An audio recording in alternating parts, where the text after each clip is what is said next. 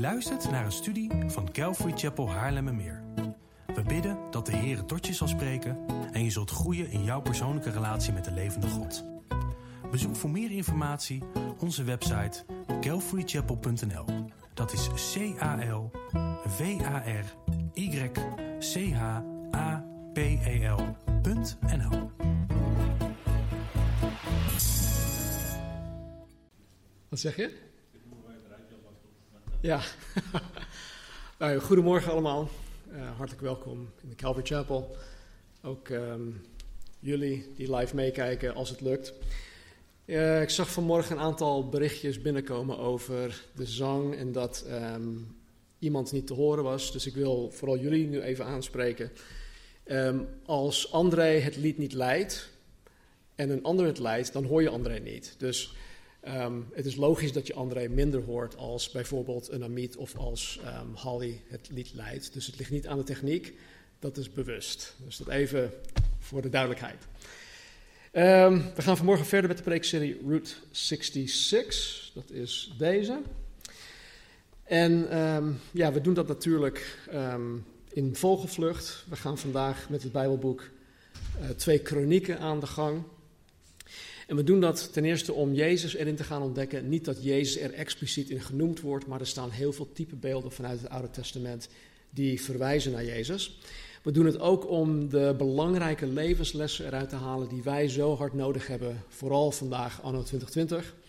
En ook om Gods woord beter te leren kennen, zodat wij geestelijk zullen gaan groeien naar volwassenheid toe. Ik weet niet of jullie er ooit bij stilstaan, maar God, de Heilige Geest, gebruikt verklarend prediken.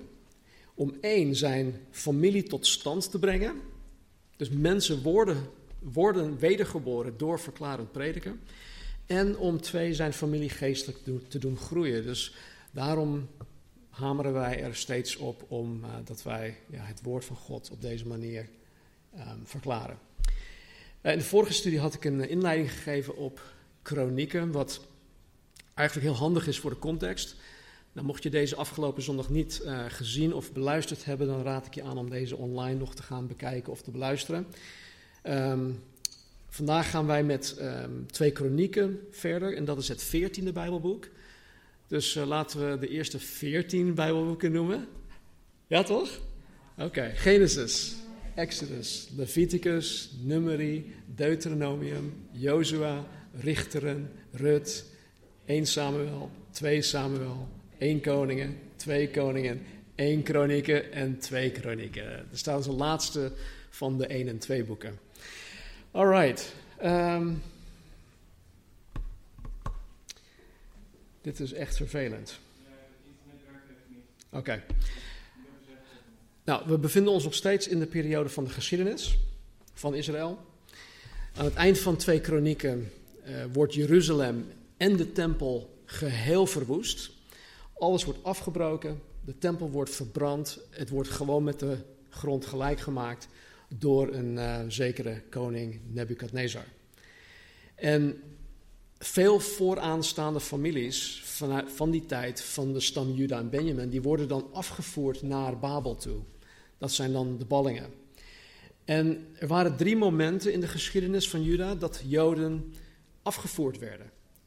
Drie momenten. Het ging niet in één keer.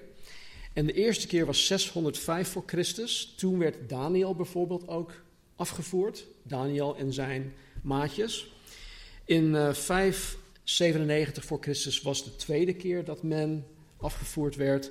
En in 586 voor Christus werd de rest meegevoerd. En 586 werd dan ook um, Jeruzalem en de tempel, alles, de muur werd gewoon afgebroken en verbrand. De slotverzen van um, uh, twee kronieken, dat de, laatste twee versen, worden vervolgd door Ezra en Nehemia. Dus de vertelling gaat vanaf dat punt, eindkronieken, gaat gewoon door. En um, dan zien we dus ook in Ezra en Nehemia de Judese uh, mensen, volkeren, die gaan dan in drie fasen terugkomen naar Jeruzalem toe. Dus ze zijn in drie fasen zijn ze weggevoerd ze komen dan ook in drie fasen terug. Maar dat, uh, dat zullen we straks gaan behandelen.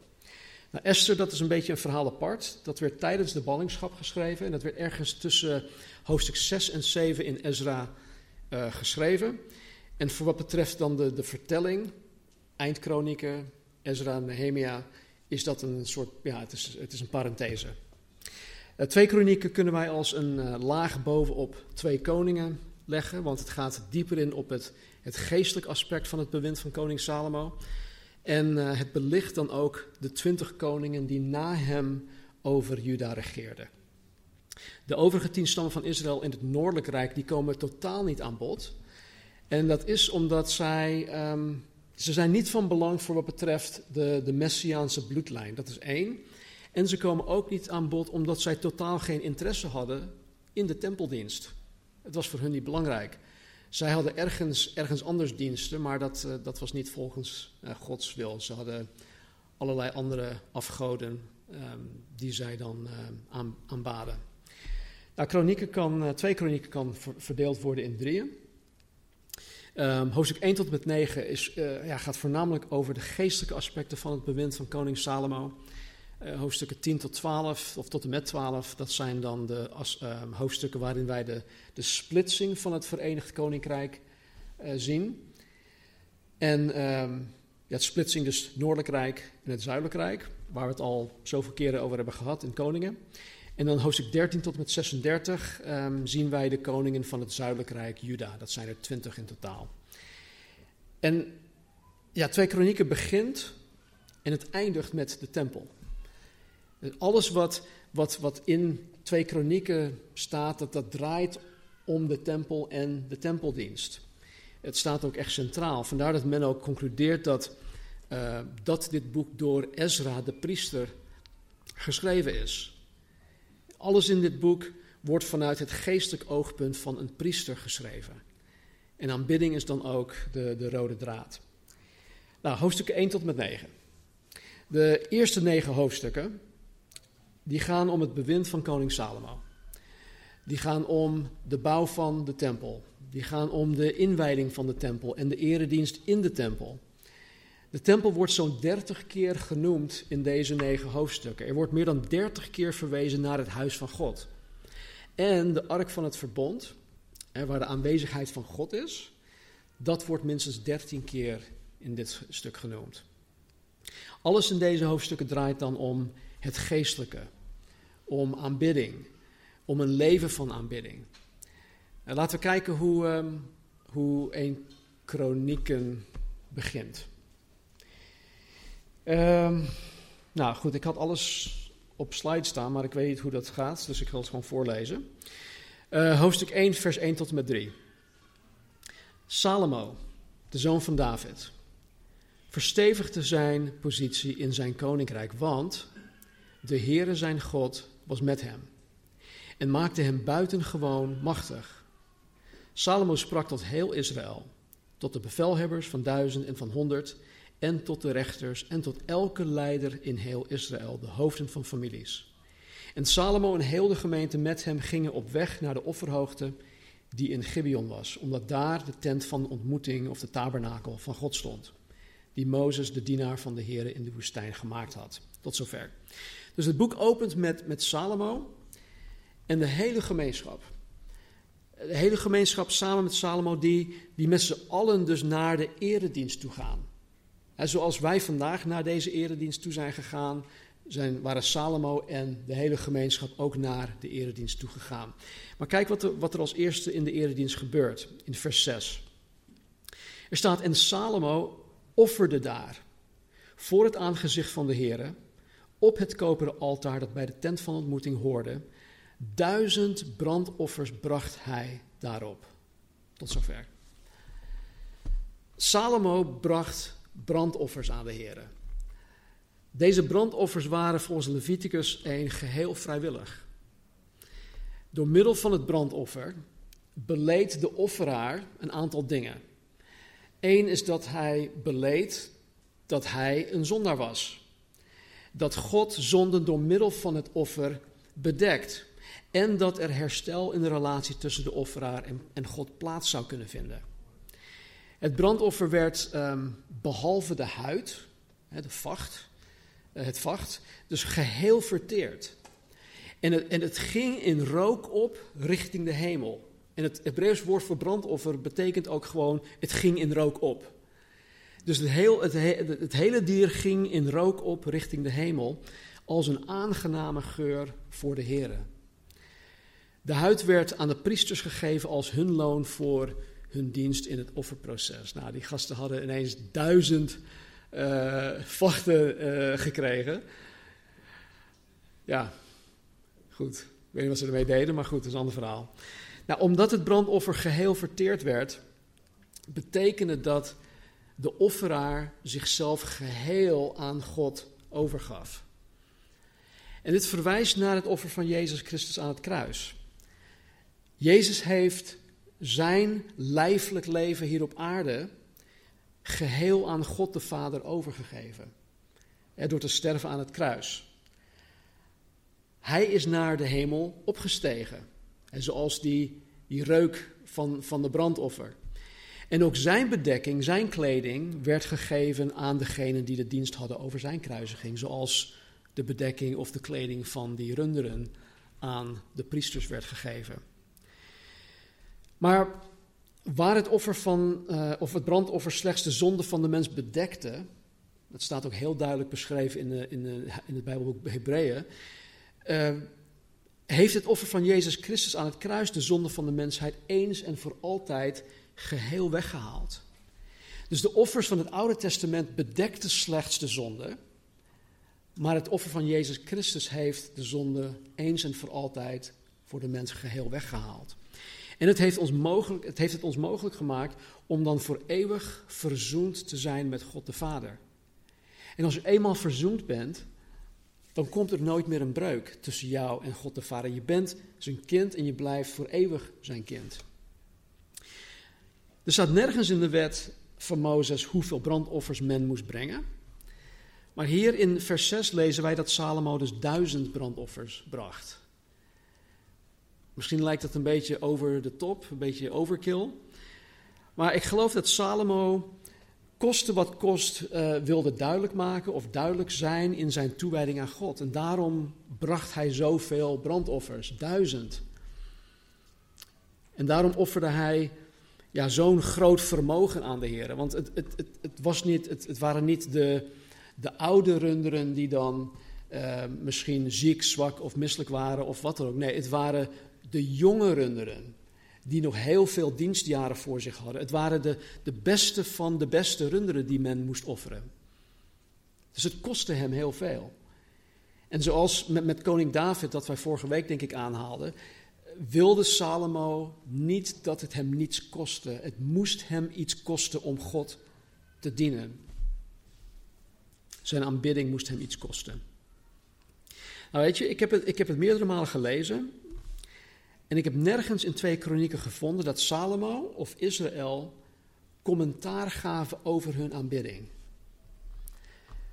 Ik lees bijvoorbeeld nergens dat Salomo zei dat de aanbidding goed was. Dat, wauw, dit, is, dit was, nou, de aanbidding was zo goed. of dat hij zich er goed bij voelde. Of dat hij door zijn aanbidding weer ja, opgeladen of gemotiveerd, opnieuw gemotiveerd was. Kijk, begrijp niet verkeerd. Hè? ik denk niet dat als je je goed voelt, of als je geniet van de muziek, of als je gesterkt wordt door het loven en prijzen van God, dat dat van nature um, slecht is. Maar we moeten heel goed begrijpen dat dat niet het doel is. Wij komen niet naar de eredienst toe om goed te voelen. Het draait om God. Vandaag de dag wordt de kwaliteit van lofprijs en aanbidding vaak, vaak gemeten aan hoe wij ons erbij voelen. Hoe wij ons erbij voelen of aan hoe goed het aanbiddingsteam de liederen zongen.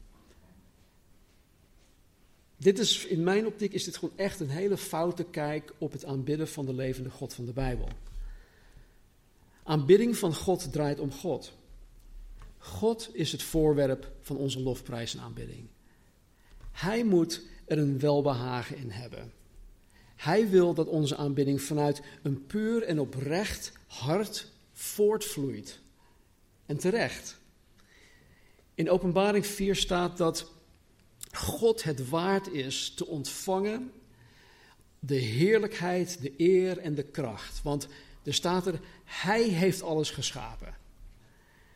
En er staat er ook, door uw wil God bestaan zij en zijn zij geschapen. Dus wij dus ook. Wij, wij zijn geschapen door de wil van God. Wij zijn geschapen omdat God het zo wilde. En wij zijn niet alleen door God geschapen, wij zijn voor God geschapen. En onze aanbidding hoort een, een respons te zijn op wie God is. Dankjewel, André. Thank you. Um, onze aanbidding hoort een, een respons te zijn op een aantal verschillende dingen. Op wie God is, op wat God gedaan heeft op Golgotha, wat Hij nu allemaal in ons leven en om ons heen aan het doen is, en wat Hij voor ons in petto heeft. Weet je, vaak denk ik aan het duizendjarig rijk. Oh, ik, ik kan niet wachten totdat de opname komt. Dan gaan we mee en dan komen we zeven jaar, later weer terug. En dan vestigt Jezus Christus zijn duizendjarig rijk hier op aarde. Oh, wat heerlijk zal dat zijn als Den Haag niet meer het voor het zeggen zal hebben. Weet je, maar wij moeten verder kijken. Wij moeten niet daar blijven hangen in het duizendjarig vrederijk. Nee, want daarna, daarna hebben wij ook nog hoofdstuk 21 en 22, waarin Jezus, God ons belooft dat een nieuwe hemel, een nieuwe aarde zal gaan komen. Alles wordt nieuw. Alles wordt opnieuw gemaakt. En dat is onze toekomst. Dus ja, ik, ik wil niets afdoen van het duizendjarig vrederijk. Dat zal gewoon echt een glorieuze tijd zijn hier op aarde, de aarde die wij nu kennen. Maar onze beloning komt uiteindelijk daarna.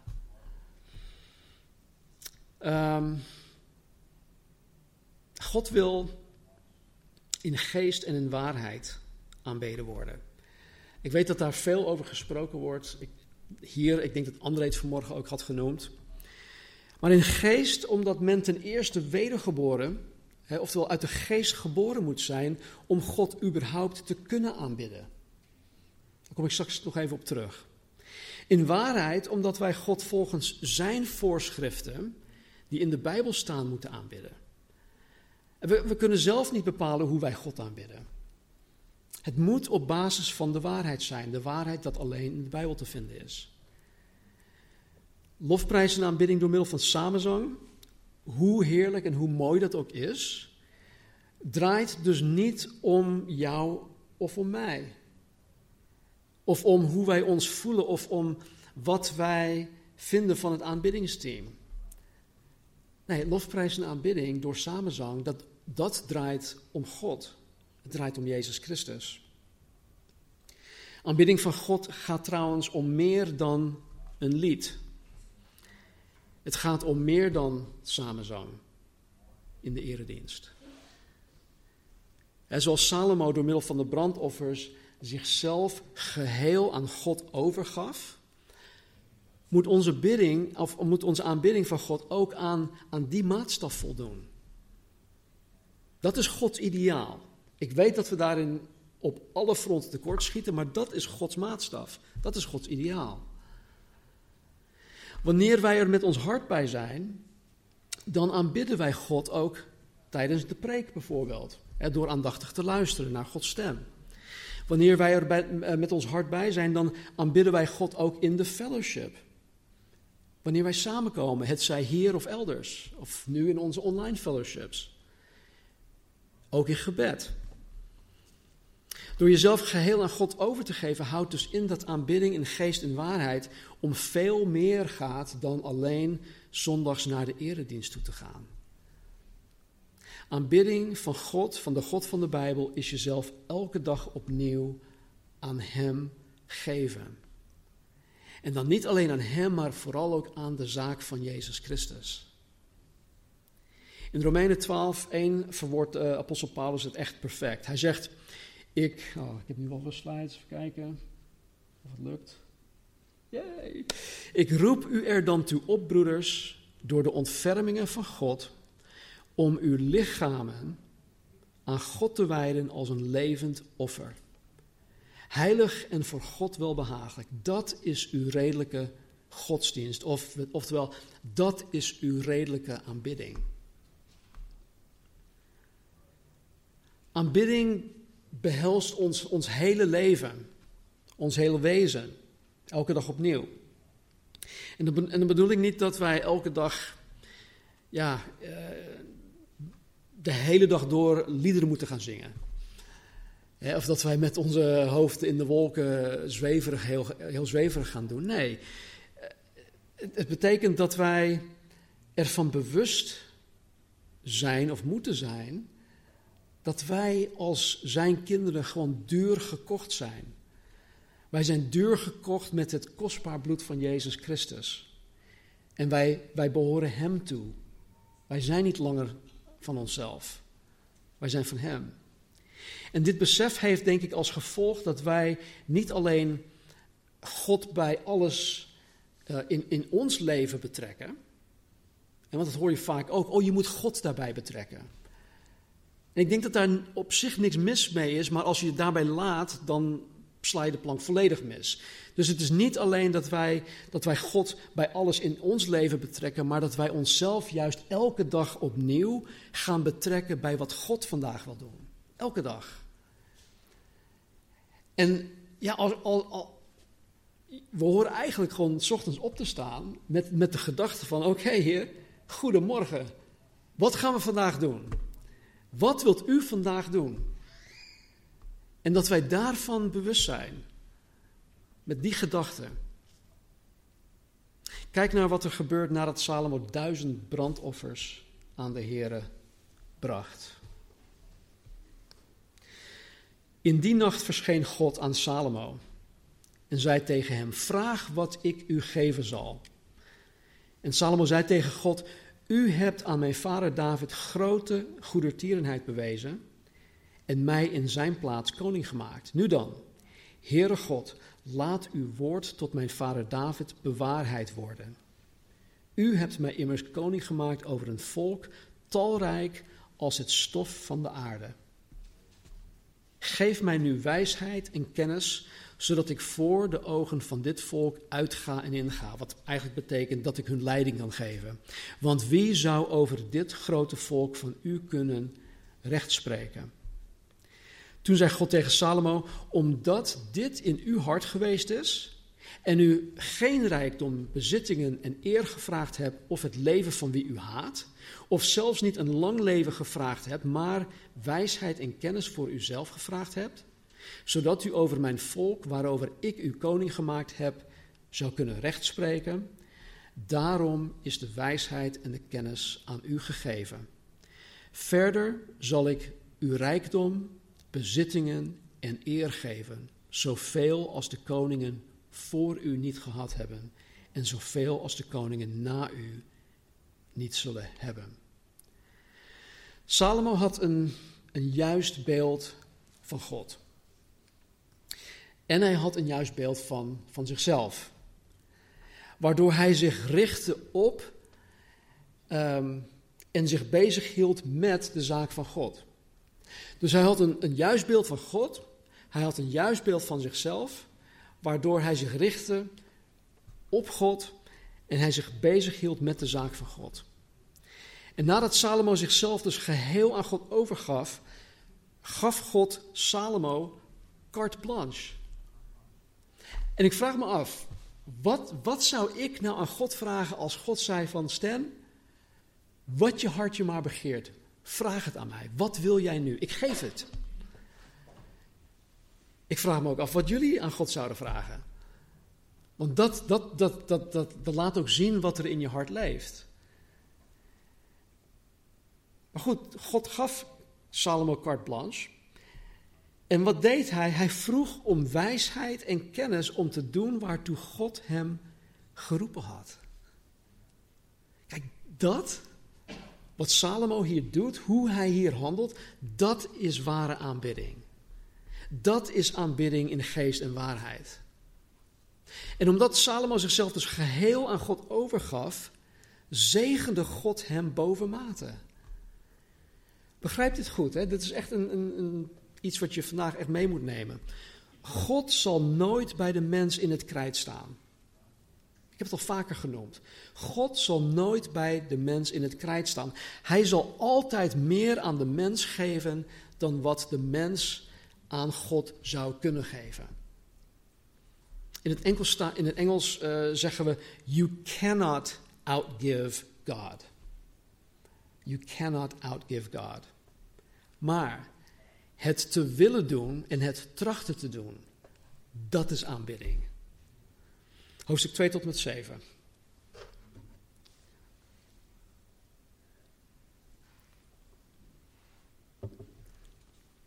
Hoofdstuk 2 tot en met 7 gaan over de. Ik, ik ga snel door vanaf dit, dit punt. Maar. Hoofdstuk 2 tot en met 7 gaan over de voorbereidingen voor het bouwen van de tempel. Het bouwen van de tempel, het inwijden van de tempel en de eredienst in de tempel. En ik wil hieruit gewoon een paar uh, dingen gaan belichten. Ten eerste dit, in hoofdstuk 5. Nadat de tempel gebouwd en gereed gemaakt was met alle voorwerpen voor de tempeldienst, liet Salomo de ark van het verbond halen om het in de tempel te gaan plaatsen. Maar nog voordat de priesters de ark in het heilige der heiligen plaatsten, staat er dat koning Salomo en heel de gemeenschap voor de ark stonden en dat zij schapen en runderen aan God offerden. Zoveel zelfs dat ze niet geteld konden worden. heel wat. Dat, ze, dat je, je bent gewoon de tel kwijt, zoveel. Nadat al deze brandoffers aan God gebracht waren, brachten de priesters de ark van het verbond naar, de heilige, naar het heilige der heiligen, waar het hoorde te staan. En daarna verzamelde het, het, gehele aanbiddingsteam uh, bij, bij het altaar, hè, met al hun instrumenten en met 120 priesters die op de trompetten bliezen. Nou, dat was, het was één groot feest. En dan staat er dit, vers 13 en 14. Het gebeurde nu, nu toen zij eenparig op de trompet bliezen en toen zij zongen door met een eenparige stem een lied te laten horen om de Heer te prijzen en te loven. Ja, toen zij de stem verhieven met trompetten, met cymbalen en andere muziekinstrumenten. En toen zij de Heer prezen met de woorden, voorzeker hij is goed, want zijn goedertierenheid is voor eeuwig. Dat het huis, het huis van de Heere, met een wolk vervuld werd. En de priesters konden vanwege die wolk niet blijven staan om te dienen, want de heerlijkheid van de Heere had het huis van God vervuld. Tot zover. Waar spreekt de wolk van? Komt regelmatig voor in het Oude Testament, vooral in Exodus. In Exodus zien we dat tot meerdere malen toe dat de aanwezigheid van de Heer in de wolk zat. In de wolkkolom bijvoorbeeld. In Exodus 40, vers 34 eh, en 35 staat dit. Toen overdekte de wolk de tent van ontmoeting, dat is de tabernakel, en de heerlijkheid van de Heer vervulde de tabernakel, zodat Mozes de tent van ontmoeting niet kon binnengaan, omdat de wolk daarop bleef en de heerlijkheid van de Heere de tabernakel vervulde. Dus de wolk, God, Gods aanwezigheid, wolk, synoniem. In een ander stuk in Leviticus staat dit. God gaf hem instructies, gaf Mozes instructies en dan staat er dit. De Heere zei toen tegen Mozes, spreek tot uw broer Aaron en zeg dat hij niet te allen tijden in het heiligdom binnen voor het voorhangsel mag komen. Voor het verzoendeksel dat op de ark ligt. Opdat hij niet sterft. Want ik verschijn in de wolk op het verzoendeksel. De wolk was belangrijk. De wolk maakt Gods aanwezigheid tastbaar. Het maakt het waarneembaar. En God doet dit omdat Hij genadig en barmhartig is. Want als God zichzelf niet op een waarneembare wijze vertoonde, dan zou iedereen die in zijn aanwezigheid kwam verteerd worden. Iedereen zou dan in rook opgaan. 1 eh, Timotheus 6 zegt dat God in een ontoegankelijk licht woont. Ontoegankelijk voor de mens. Wij kunnen er niet bij in, in vlees en bloed.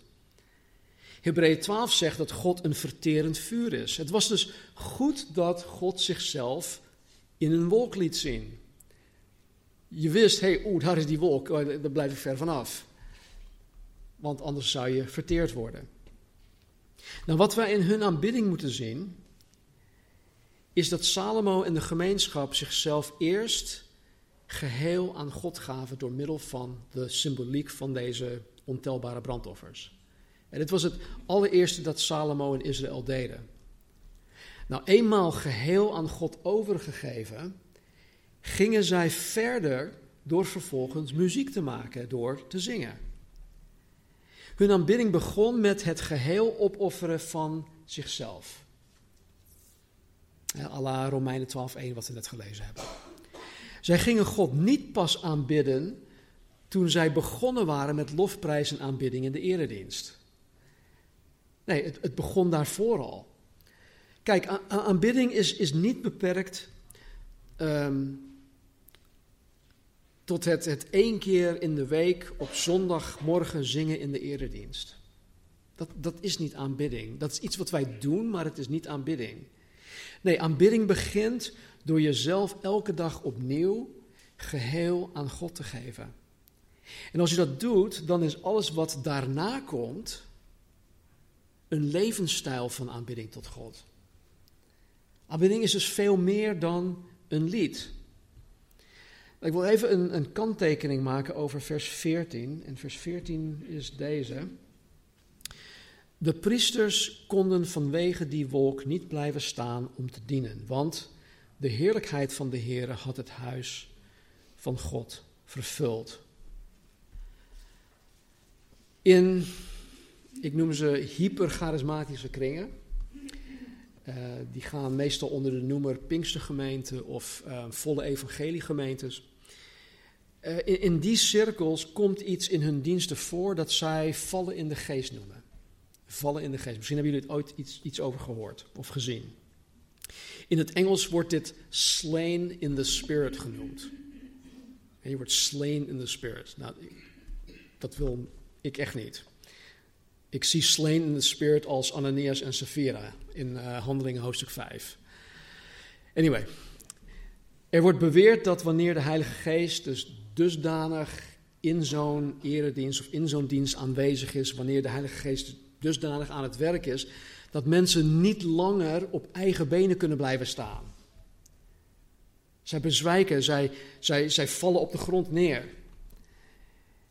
En in, in dergelijke diensten worden mensen dan naar voren toe geroepen. Er wordt voor hun gebeden. Vervolgens krijgen ze een, een, een klein zetje om achterover te vallen. Of ja, als je een beetje niet goed gelovig bent, dan krijg je een wat steviger, een steviger zetje.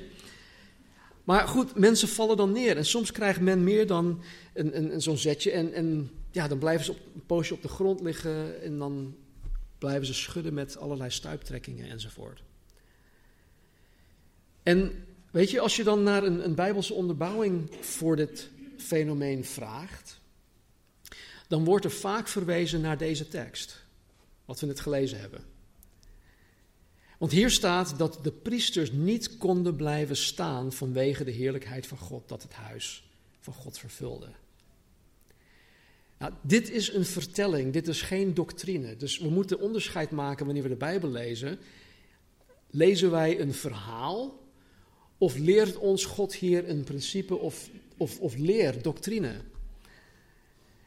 Kijk, het probleem hiermee is dat dit gewoon niet bijbels is. Ik weet dat dit heel kort door de bocht klinkt.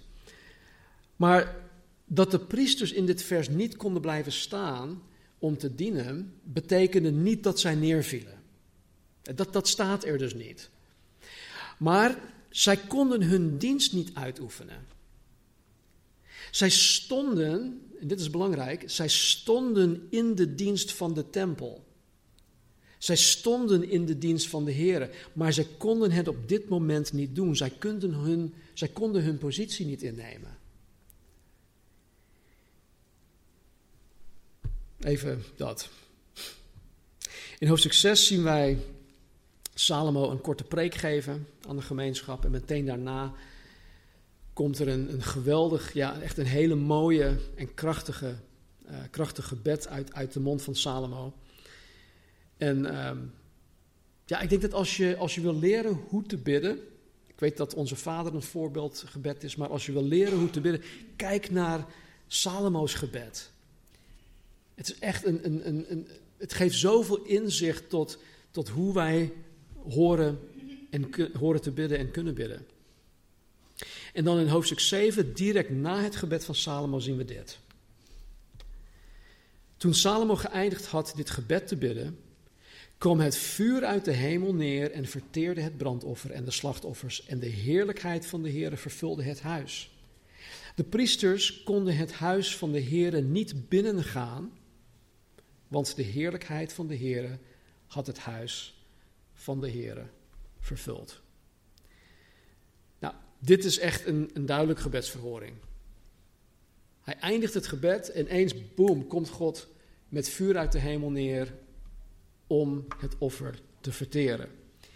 En hier zien we dus alweer dat de priesters hun taak niet konden vervullen, omdat de heerlijkheid van de tempel, of omdat de heerlijkheid van de Here de tempel vervulde. En weet je, dit is iets wat we denk ik ehm, ook moeten gaan leren. Dit vers, wat we net hebben gelezen, dit interpreteert dan ook gelijk hoofdstuk 5, vers 14, wat we net gelezen hadden. Waar, waar er staat dat zij niet konden blijven staan. En ik denk ook dat, ehm, ja, dat dit echt een, een, een, belangrijk principe is voor hoe wij de Bijbel horen te lezen en de Bijbel horen te benaderen. Uh, de interpretatie van de Bijbel. De Bijbel zelf legt de Bijbel uit. Wat ik hiermee bedoel is dat wij, wij moeten de schrift altijd met de schrift vergelijken om tot een juiste interpretatie te kunnen komen. Elk, elk vers in de Bijbel staat in een nabije context, dus in, in een aantal zinnen, in een hoofdstuk, in een Bijbelboek, maar het staat ook in de bredere context, in de verre context van de hele Bijbel zelf. Dus we kunnen nooit een vers uit zijn context nemen en daarvan een leerstelling maken. Nee, we moeten altijd Bijbelschriften met Bijbelschriften vergelijken om tot de juiste uh, interpretatie te kunnen komen. Nou, vervolgens houdt Salomo een groot feest dat zeven dagen lang duurde, waarop Salomo en de gemeenschap zo'n 140.000 schapen en runderen offerden. En dit was allemaal bedoeld voor de inwijding van de tempel. En nadat de tempel volledig was, was ingewijd, verscheen de Heer wederom aan Salomo om het verbond met Israël te bevestigen. En in dit schriftgedeelte staat een van de sleutelversen van twee kronieken. Dit is echt een sleutelvers. Uh, eh, 2 Kronieken 7, vers 14. Er staat: Mijn volk, God spreekt hier, mijn volk, waarover mijn naam is uitgeroepen. Um, wanneer mijn volk, sorry, waarover mijn naam is uitgeroepen, in ootmoed, in ootmoed buigt en bidt, en zij mijn aangezicht zoeken, en zij zich bekeren van hun slechte wegen, dan zal ik vanuit de hemel horen hun zonde vergeven en hun land genezen. Tot zover. Het verbond tussen God en Israël um, bevat zowel zegen als vloek of als straf. En wanneer Israël zich van, van God afkeert en haar eigen weg gaat, dan zal God Israël straffen. Zo simpel is dat. Maar het maakt dus niet uit, wat God betreft, wat Israël eventueel tegen God gedaan zou hebben of zou gaan doen. Op het moment dat Israël zich voor God vernedert, op het moment dat Israël zich bekeert van haar zonde, zal God Israël vergeven. Dat is Gods verbond. En God is altijd trouw gebleven aan zijn woord en zal het nog altijd blijven zijn.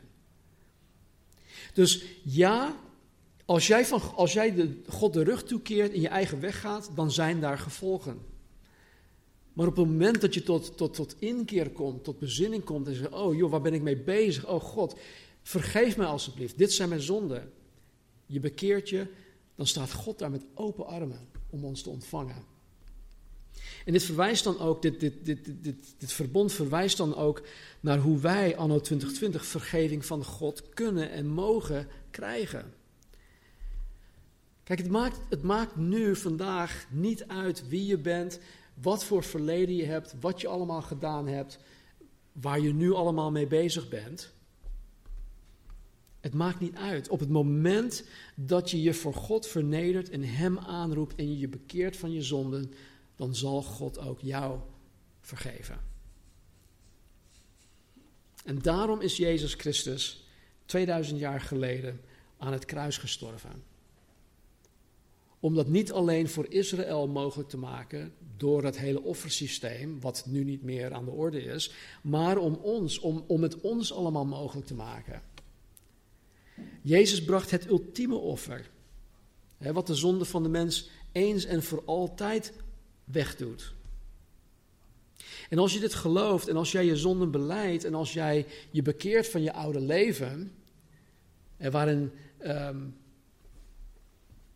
waarin je totaal geen rekening met God hield, en als je bekeert tot Jezus Christus, waarin Hij over jou gaat regeren, dan, dan zal ook jij vergeven worden. Vergeving is mogelijk. En weet je, het mooie ervan is, is dat je niet alleen vergeven wordt, maar God neemt ook die schuldgevoelens weg. Ik weet niet of je, of, of je daar ooit mee hebt geworsteld met schuldgevoelens, maar weet je, dat is zo, het kan zo belastend zijn om, om rond te lopen met schuldgevoelens. En als je dan naar God luistert, als je naar zijn woord kijkt en zijn, God, en, en zijn woord ehm, ziet en als je daar gehoor aan geeft en daar acht op slaat, dan weet je gewoon, nee, ik ben vrijgekocht, ik ben niet langer schuldig. God ziet mij als, als hij Jezus ziet. Hij ziet mij door de bril van Jezus Christus. Ik ben niet meer schuldig.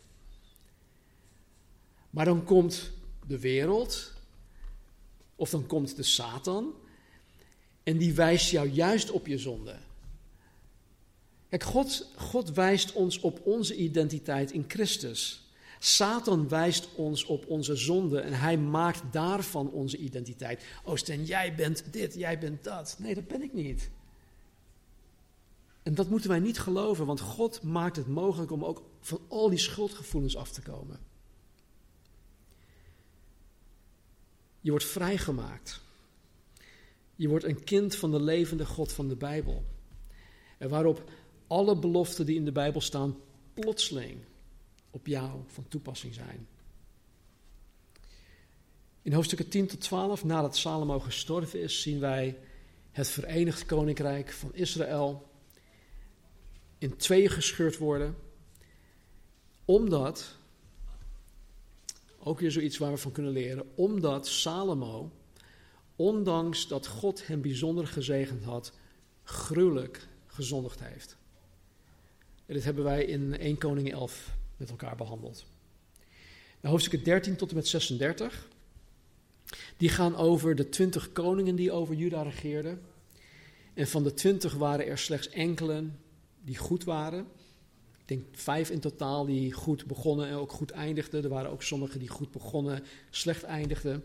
En er was één die heel slecht begon, maar ook goed eindigde. Dus er waren wel wat goede koningen tussen um, alle twintig koningen van Juda. In Israël en het Noordelijk Rijk was er geen enkel goede koning. Ze waren allemaal slecht. En ik zou zeggen, lees deze hoofdstukken. En let vooral op wat goed ging en wat fout ging.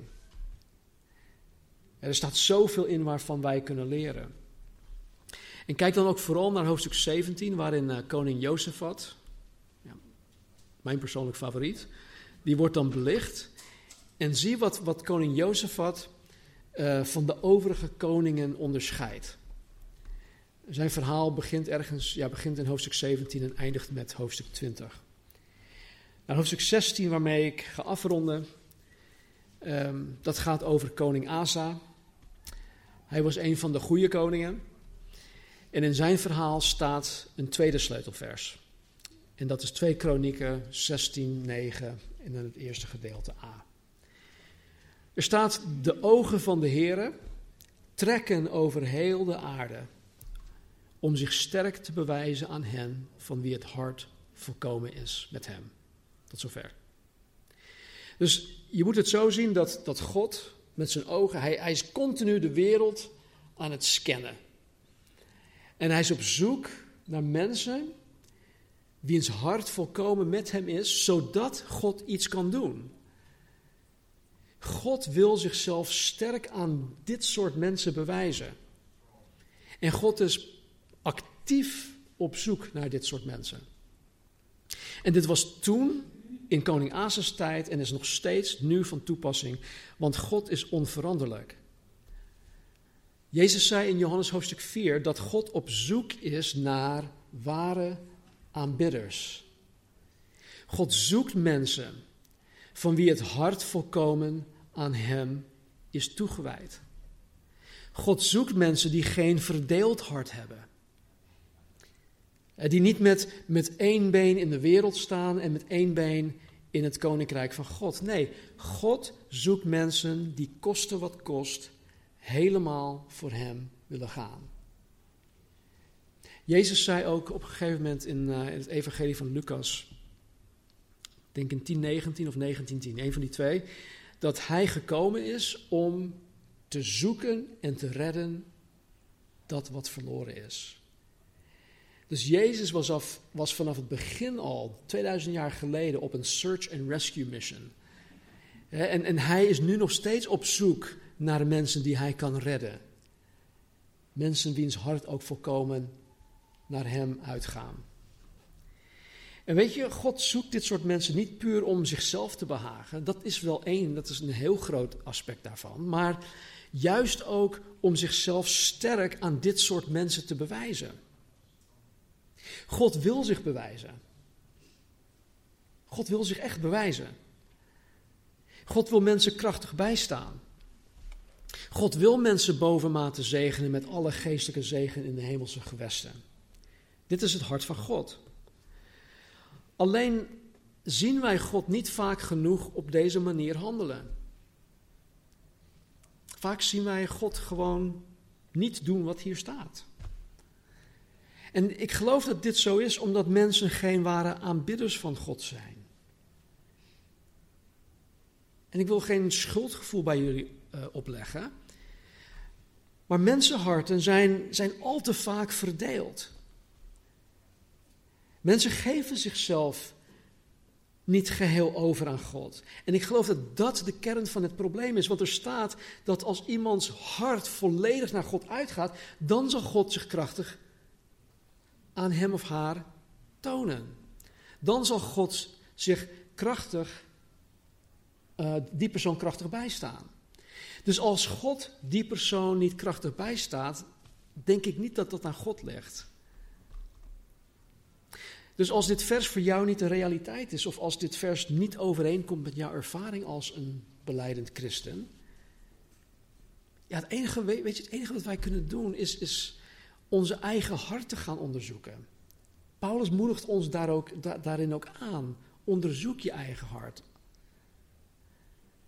Is jouw hart volkomen met God? Jezus, toen hij met de Samaritaanse vrouw in gesprek was.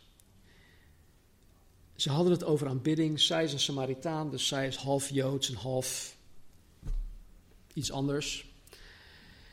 En zij dachten, joh, jullie Joden zeggen dat jullie God moeten aanbidden in Jeruzalem. Wij zeggen hier op de berg Gerizim, wat moet ik nu geloven?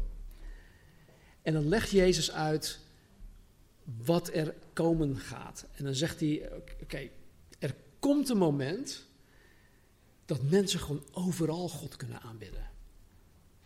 In geest en in waarheid. En dan zegt hij dit. Uh, Mag ik de laatste slide? Ja. De tijd komt en is er nu dat de ware aanbidders de Vader zullen aanbidden in geest en waarheid. Want de Vader zoekt wie hem zo aanbidden. God is geest en wie hem aanbidden, moeten hem aanbidden in geest en waarheid. Tot zover. Dit is echt, voor mij is het mindblowing. De levende God van de Bijbel, de schepper van hemel en aarde, is op zoek. Hij is op zoek. En hij zoekt mensen wiens hart volkomen met hem is. Mensen die hem onverdeeld toebehoren. Dit zijn de aanbidders die God zoekt. God is geest. Dus als een mens van vlees en bloed, en dat zijn wij allemaal, als, als wij mensen van vlees en bloed God wil, willen aanbidden, als, als wij als mensen van vlees en bloed God, uh, Gods kinderen willen worden, uh, die, die Hem aanbidden zoals God dat wil, dan moet er iets met die mens gebeuren. En om het even te vergelijken met uh, de hedendaagse techniek. De mens moet over het juiste besturingssysteem beschikken. En, en, en dat is de geest van de mens. De geest van de mens is van nature dood. Toen God tegen Adam zei: jij, Als jij dit doet, als jij van die boom eet, dan zal je zeker sterven. Nou, hij is jaren later fysiek gestorven, maar op dat moment was hij geestelijk gestorven. En hij had geen fellowship meer met God. Hij had geen relatie meer met God. God wandelde niet meer met hem. Hij was afgescheiden van God. En zo, vanaf dat moment, is elk mens zo geboren. Met een geest die dood is.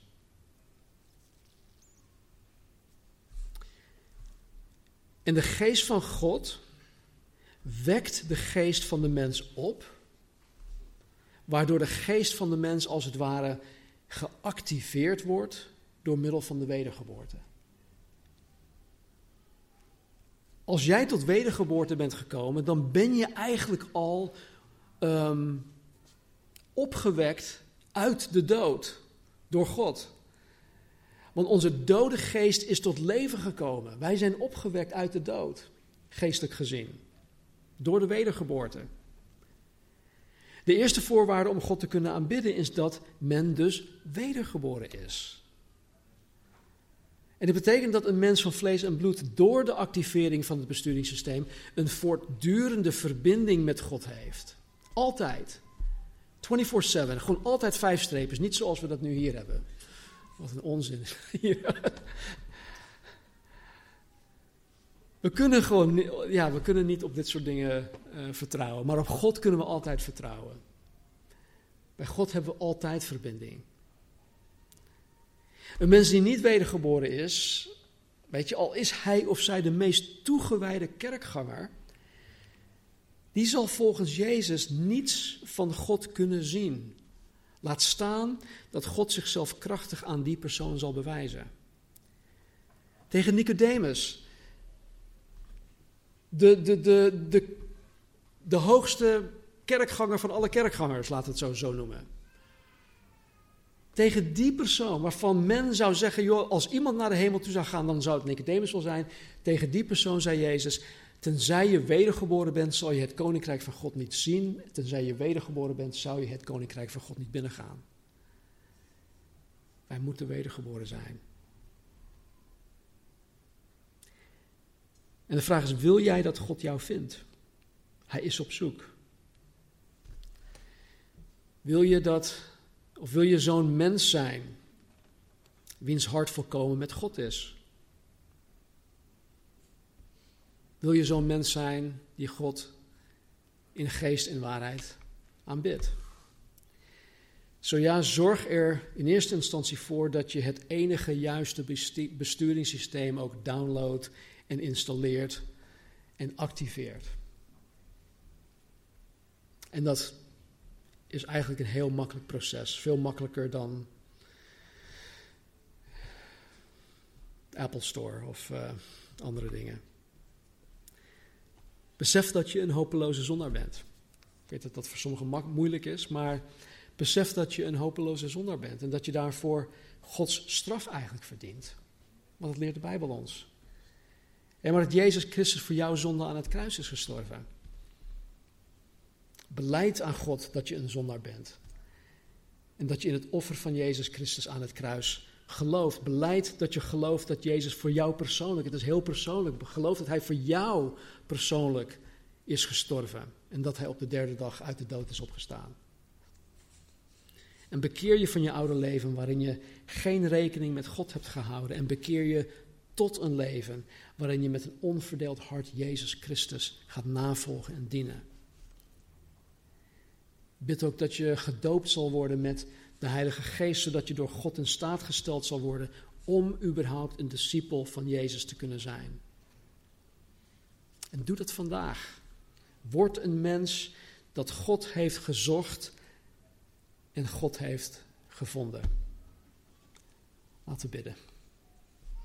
Hemelse Vader, dank u wel dat u ons geroepen hebt. Jezus, u zei dat er vele geroepen zijn, maar slechts weinig gekozen. Heer, help ons om, om te beslissen, Heer, om een, een wilsbesluit te nemen. Om onszelf geheel aan U over te geven. Help ons om, zoals Salomo,